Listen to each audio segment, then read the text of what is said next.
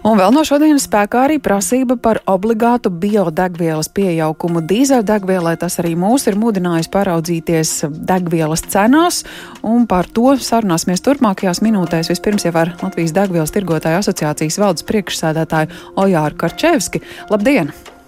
Labdien! Jā, patiesībā jau pirms vairākām dienām degvielas stacijās bija tāda netipiska aina. Dīzeļdegviela bija dārgāka par benzīnu tas jau bija gaidot 1. aprīļa tuvošanos vai, vai kā cits iemesls? Tas bija pilnīgi cits iemesls. Tas bija tā, tā bija situācija, kad eh, degvielas eh, biržā ir izveidojusies um, starpības starp dīzeļdegvielu un benzīnu, un dīzeļdegviela bija ievērojami dārgāka. Tiek bija vairāk iemesli. Galvenais iemesls ir tas, ka dīzeļdegvielas Eiropā un pasaulē trūkst.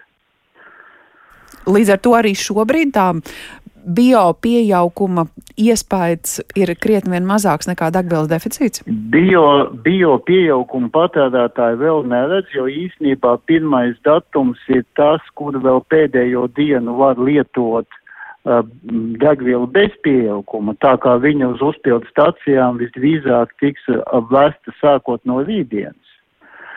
Bet uh, cik, liels, cik liela būs šie ietekme, uh, pagaidām nav saprotams, jo šīs nedēļas laikā, sākot no otrdienas, tikko sākās Ukrainas Krievijas miera sarunas, katru dienu ievērojami krītas šī manas minētā biržas cena. Līdz ar to katru dienu, katra diena nesīs kādas izmaiņas, un tikai pirmdien mēs īsti ieraudzīsim, kāda tad būs šī cena. Līdz ar to tās bāžas, kas, kas uh, cilvēkiem bija Ukrainas kara pašā sākumā, ka nu, tūlīt degviela maksās vairāk nekā 2 eiro litrā, arī šobrīd mēs vēl varam krietnu brīdi nebaidīties, ka cena uzkāps pāri šai robežai. Mm. Pagaidām nav prognoze, ka viņa pārsniegs, bet es esmu jau vairāk kārt minējis, ka prognozēt mēs varam tikai vienu dienu šajos uh, kāda apstākļos un šajās ne, ne, neparasti, neparasti neprognozējamajā situācijā. Tā kā es varu runāt pa vienu dienu, eh, ne tuvākajās dienās tas nav gaidāms. Pagaidām viss ir eh, labvēlīgi, Latvijai, Eiropai cenas virzās uz leju.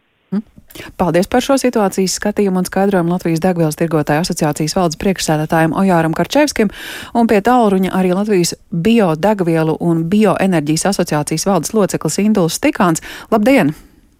Labdien! Nu jā, tā tad tā stabilitāte nav gaidāma, kā tikko dzirdējām, cena labi, ja vienu dienu varam paredzēt, bet nu, šobrīd tendence liecina, ka, ka biržās cena samazinās, līdz ar to par biodīzeļu degvielas sadārdzināšanos nu, nebūtu īsti iemesls runāt. Uh, nu šeit tiešām jāpiekrīt tam, ka biržas cenas šobrīd ir ļoti nestabilas uh, un ļoti neprognozējamas gan biodegvielām, gan fosilajām degvielām, un uh, šo ietekmi tiešām ir ļoti grūti paredzēt uz priekšu. Uh, tāpēc uh, var aprēķināt, vadoties no vēsturiskajām cenām, no šodienas cenām, bet pateikt, kas būs pēc mēneša, es domāju, tiešām nav iespējams.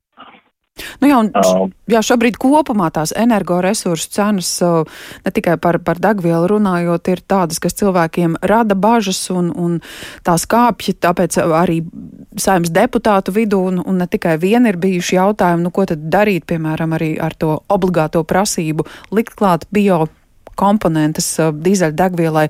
Nu, ir iespējas vispār runāt par to, kā biodīzeļdegvielas cenas pazemināt, vai, vai šobrīd tas jautājums vienkārši ir tāds, ka jāakceptē cenu kāpums un viss? Um, runājot par šo, es gribētu teikt, ka nav, uh, tas nav tik viennozīmīgi, ka biodegvielas tiešām izraisīs šo cenu kāpumu, jo uh, skatoties uh, biržās, uh, tātad um, tās, tās izmaiņas var notikt arī um, tādēļ, ka pieaugs, kā jau Karčeska kungs minēja, ir arī dīzeļdegvielas deficīts. Un, ja tas deficīts pastiprinās, tad uh, var pieaugt, un tad samazinot biodegvielu patēriņu, šis deficīts vēl vairāk pieaugs.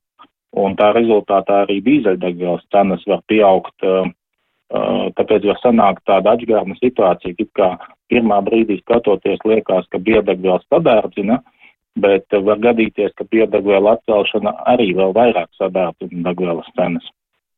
Nu, te alži ir tas jautājums, kas notiek ar to biokomponenti, kas uh, daļai tiek ražota pie mums, daļai tiek ievesta.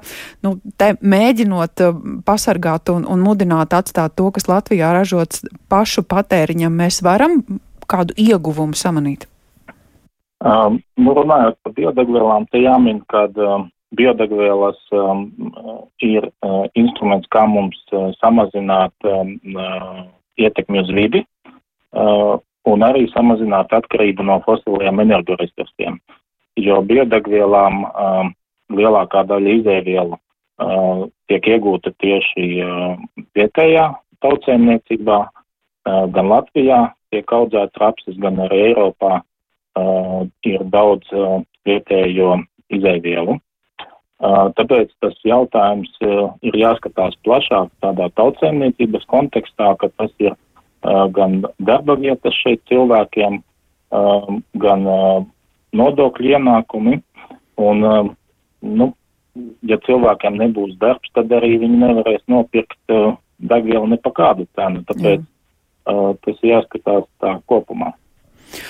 Un tālāk jau par, par cenu ietekmēm runājot, nu, zināms, ka lauksaimniekiem ir subsīdijas, līdz ar to viņi šobrīd ir mazliet labākā situācijā, uz kurām tautsaimniecības jomām, vai, nu, nereiķinot privātpersonas, tas uh, cenu kāpums un dīzeļa deficīts šobrīd ir atstāja to lielāko ietekmi? Um, nu, protams, ka cieši visas nozares, tieši gan iedzīvotāji, gan ražotāji, gan uh, transporta kompānijas. Lauksaimniecībā, protams, vienmēr bijis šis te samazinātais aktīzes nodoklis, tāpat kā ir samazināts aktīzes nodoklis apkuras degvielai. Um, bet um, mūsu ierosinājums būtu um, skatīties uz tādiem instrumentiem, kas atbalsta tos, kuriem ir tas tiešām vajadzīgs un kas var palīdzēt Latvijas valstī kopumā noturēties šajā grūtajā situācijā. Tas būtu gan trūcīgākām iedzīvotāju grupām, gan arī lauksaimniecībā, bet par tiem tiešiem risinājumiem ir jāskatās, kas ir tie efektīvākie un lietderīgākie kopumā. Un Nav, arī uh, saprotamākie, teiksim. Mm. Nav automātiski prasība pārskatīt nodokļus.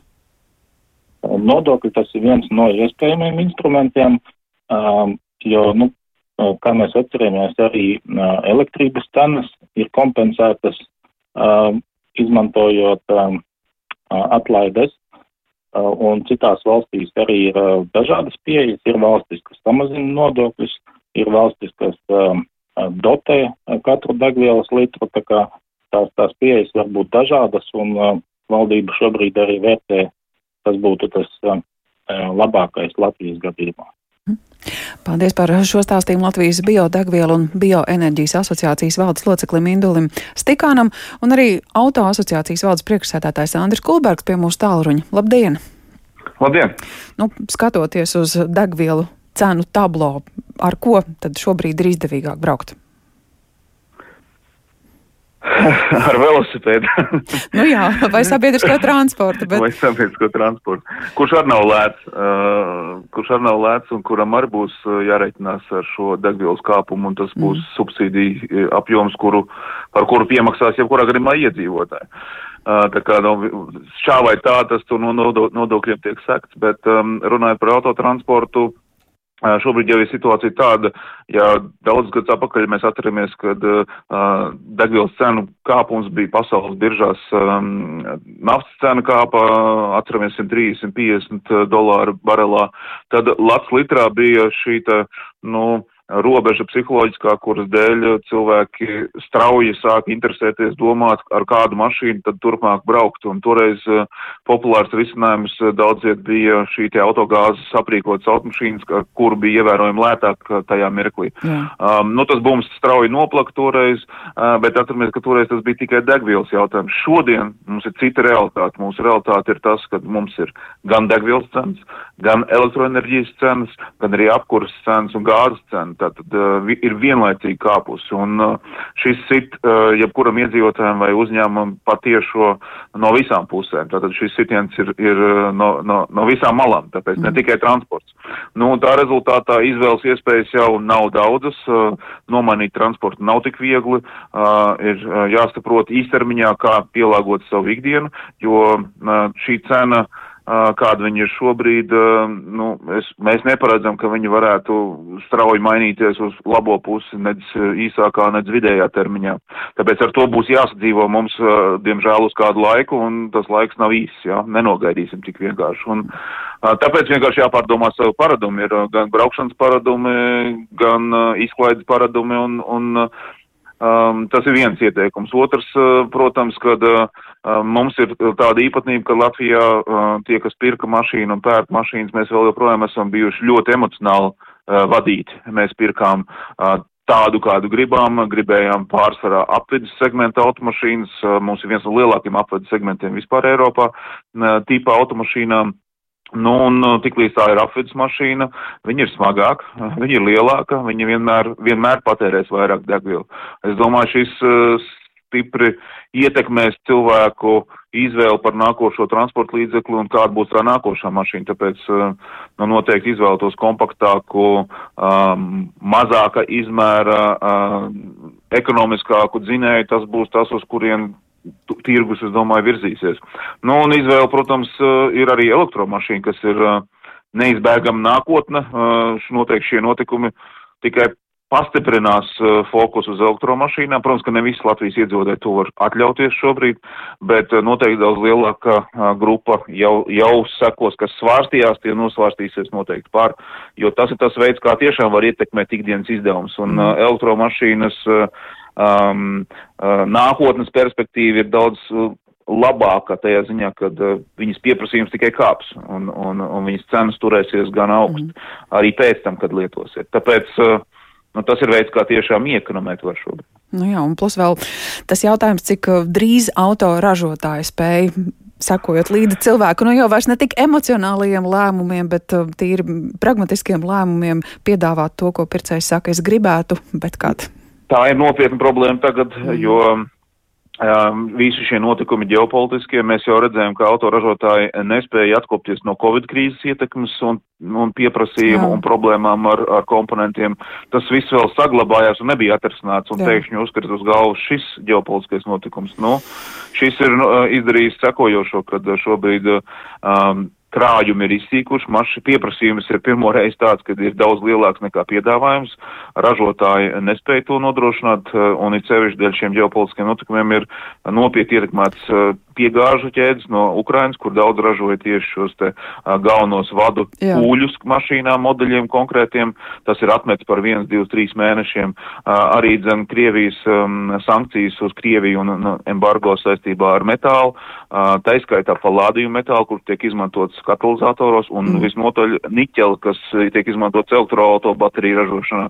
Un tas viss ir radījis apstākļi, ka, ja jūs ejiet tagad uz salonu, nu, vajag rēķināties ar to, ka auto piegāda var būt gads.